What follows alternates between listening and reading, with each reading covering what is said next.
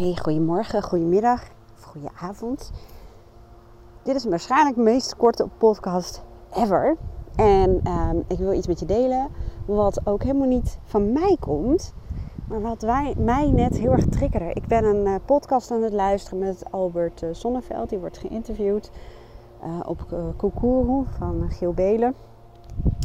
En in één keer vertelt hij, en ik, had het, ik heb het één keer gehoord, dus meestal moet dat bij mij dan even een soort van landen. Maar het is nu al dat het uh, heel veel duidelijk maakt. Want de afgelopen uh, weken zijn er bij mij in mijn leven, om mij, om mij heen, met mensen om mij heen, uh, best wel even wat heftige dingen gebeurd. En um, ja, en het is nu maandag en ik heb geen coachafspraken. En ik merkte, ik was wat draaierig en uh, ik had gepland om bezig te gaan uh, met mijn bewust leven course. En om wat vraagstukken te beantwoorden van mensen. Maar ik merkte vanmorgen, alles draait. En ik, uh, vroeger zou ik het geforceerd hebben, zou mijn innerlijke pusher. Ik zet heel veel vliegtuigstand aan hoor, want als iemand belt dan is de audio weg. Wacht even. Ja, ik zag wacht even tegen jou, maar jij hoeft helemaal niet te wachten, want ik zat natuurlijk op auto. Maakt niet uit. Anyway, um, nou, ik was zo duizelig en normaal gesproken zou, uh, zou mijn innerlijke pusher, die zou uh, doorgaan. Die zou kosten wat het kost. Hè. Luister ook eigenlijk naar die zinsconstructie. Um, toch gaan zitten en aan het werk gaan. En dat is jaren echt wel mijn patroon geweest. Een pusher, als hij niet doorslaat, hè, zoals vroeger in mijn verleden, om het zo te zeggen, dan is het een hele functionele kant. Want die zorgt wel dat je ergens komt. Alleen nogmaals, als die doorslaat of niet aan timing doet, dan, dan kan het nogal destructief zijn. Dan kan je ongemerkt of zelfs gemerkt echt roofbouw op jezelf plegen. Plus, ik heb gemerkt dat als de ruimte er is, en er is heel vaak de ruimte, maar net hoe je dat in je hoofd eigenlijk zelf construeert, dan werkt het echt duizend keer beter als je iets doet op het moment dat je ook helemaal met je aandacht als het ware verbonden bent met wat je wil gaan doen. Als ik me heerlijk fris voel en helder en scherp. Ik merk nu al, het wordt helemaal niet mijn kortste podcast ooit. Maakt niet uit. Maar in elk geval dan, um, dan heeft iemand die uh, bij mij de vraagstukken indient, er ook zoveel meer aan. Omdat ik, ja, geconnect klinkt weer zo containerbegripperig. Maar ja, dan ben ik er ook echt met mijn aandacht. En niet vanuit een heel geforceerde energie, omdat ik een verplichting voel. Hè, naar mijn dochter heb ik dat ook, dat ik um, aandacht voor haar wil hebben, oprechte aandacht, omdat ik er ook ben. En op het moment dat ik zelf ergens mee bezig ben, ze belt mij, dan zeg ik dat ook eerlijk tegen haar. Zou ik tegen mij, van ik bel je later even. Ik moet eventjes, uh, ik ben even met iets bezig of iets dergelijks. En ik weet ook dat je lichaam continu signalen geeft. En dat als je daar niet naar gaat luisteren, ja, nogmaals, dan pleeg je roofbouw. En die rekening krijg je gewoon een keertje gepresenteerd. Maar even terug naar Albert Sonneveld en naar wat mij inspireerde eigenlijk heel erg. En wat ik, um, ja, soms vallen puzzeltjes op het juiste moment in het juiste, hoe zeg je dat, gaatje. Want een puzzelstukje moet ergens in passen, is nou wat ik bedoel.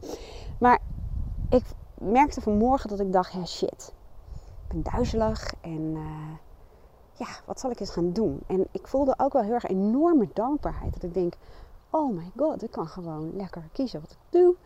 Het is mooi weer, de zon ging in één keer schijnen. En uh, ik dacht, wat kun je nou beter doen als je duizelig bent dan letterlijk en figuurlijke aarde. Dus ik zit echt, ik zie er echt niet uit. Ik zit onder de aarde en de smurrie en nou, volgens mij lopen de pieren over me heen. En uh, ik, ik, ga er dan ook helemaal voor. Echt, ik zit zo te denken, hoe ga ik zo meteen naar binnen? Want het hele huis zit zo meteen onder de smurrie. En toen voelde ik me eigenlijk meteen al beter. En toen zei Albert Sonneveld, en ik kan het niet letterlijk citeren, nog niet.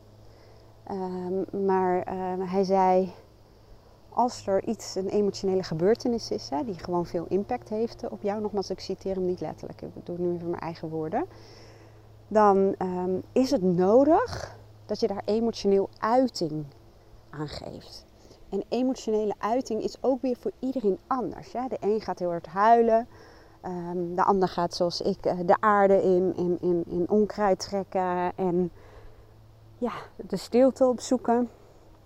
Ik schrijf ook heel erg uh, graag. Hè. Dat is ook een, manier van uiten. Dus dat is voor iedereen persoonlijk en dat is niet eens statisch. De ene keer doe je het zo, de andere keer doe je het zo. Maar zij wel, het moet emotioneel geuit worden. Want als je dat niet doet, dan wordt het een soort hypotheek die je gaat dragen waarvan je de rente gaat betalen. Toen dacht ik, wow, wat is dat mooi gezegd. En het is heel warm nu, maar ik krijg gewoon weer kippenvel. Dat ik dacht, dit moet ik jullie gewoon vertellen. En ik, ik zal ook uiteraard even het linkje uh, naar Kokoro en, uh, en het interview tussen Giel en, en Albert Zonneveld uh, met je delen. Ik vind het sowieso een hele leuke man om naar te luisteren. En veel wijsheid, maar gewoon, ja, gewoon prettige man om naar te luisteren. Maar ik vond het zo mooi. En ook dit bewustzijn. Je merkt gewoon soms, vandaag zat ik in een strijdje tussen enerzijds weten en voelen. Dit is wat ik moet doen. Luisteren naar mijn lichaam en gewoon even um, niet mezelf achter die, computer uh, zetten. En ja, dan maar ja, zeggen wat nutteloze dingen doen. Hè? Dat is eigenlijk ook wel een soort van overtuiging. Hè? Nou, dat was het strijdje. Aan de ene kant zo een kant van mij die het allemaal maar een beetje nutteloos en zonde van de tijd vindt. En aan de andere kant gewoon echt wel het bewustzijn van nutteloos is eigenlijk soms het meest nuttige wat je kunt doen. En, uh, maar ik merkte dat ik uh, er een overgaf, maar ondertussen ging mijn hoofd maar door. Ik weet niet of je dat kent. Dan heb je bijvoorbeeld tijd om te ontspannen, bij wijze van spreken. En dan gaat dat hoofd maar door, door, door, door, door. Dat is ook een soort vorm van controle, dat denken. Maar toen ik dus die podcast luisterde, toen dacht ik, oh ja, en dan kan het zomaar zijn dat er een klik is. En dat je in één keer toch in die soort van overgave stand komt. Ja, dat is moeilijk in woorden uit te drukken. Misschien heb je dat zelf al eens ervaren. Dat het in één keer uh, opgelost is. Of in één keer begrijp je het. Of in één keer dan kan je iets loslaten. Al ben ik niet zo fan van het woord loslaten. Maar in elk geval, ik zeg altijd, als je iets loslaat, dan geef je de ruimte dus aan iets anders. En in één keer merkte ik, oh wat heerlijk. Gewoon even lekker. En het lost zich allemaal wel op. En die bewust leven koers. Um, ja, het heet niet voor niets de bewust leven koers. Daar blijf ik elke keer mee bezig. En uh, hoe meer ik vertrouw en hoe meer ik dat doe, in de juiste timing en op momenten dat ik die inspiratie, hoe beter de koers eigenlijk ook wordt. En laat ik dan nu gewoon lekker ook genieten van de zon. Waar we met z'n allen, nou ja, met z'n allen de meeste mensen toch ook weer zo erg naar verlangen. En de dankbaarheid dat ik gewoon in de gelegenheid ben om daarvan te genieten. Nou, even kort samengevat wat ik met jou wilde delen. Ik deel dus die, eh, die podcast eventjes, maar um, misschien toch wel iets belangrijks om jezelf uh, ja, te helpen herinneren. Heel veel mensen hebben nu gewoon, dus ook een stukje conditionering, het gevoel dat ze altijd maar nuttig moeten zijn. En uh, dat het frustrerend voelt als het gewoon even niet lukt. Of als je geen inspiratie hebt. Of um, ja, dat je een beetje loopt te dolen. En ik zou zeggen, respecteer ook een beetje die, ja, die cycli van je lichaam. Het lichaam wat ja, je ook af en toe uitnodigt om te herstellen. En om inderdaad letterlijk en figuurlijk te dolen. En een beetje maar rond te lummelen. En dan dit doen en dan dat doen. Soms is dat ook gewoon wat nodig is.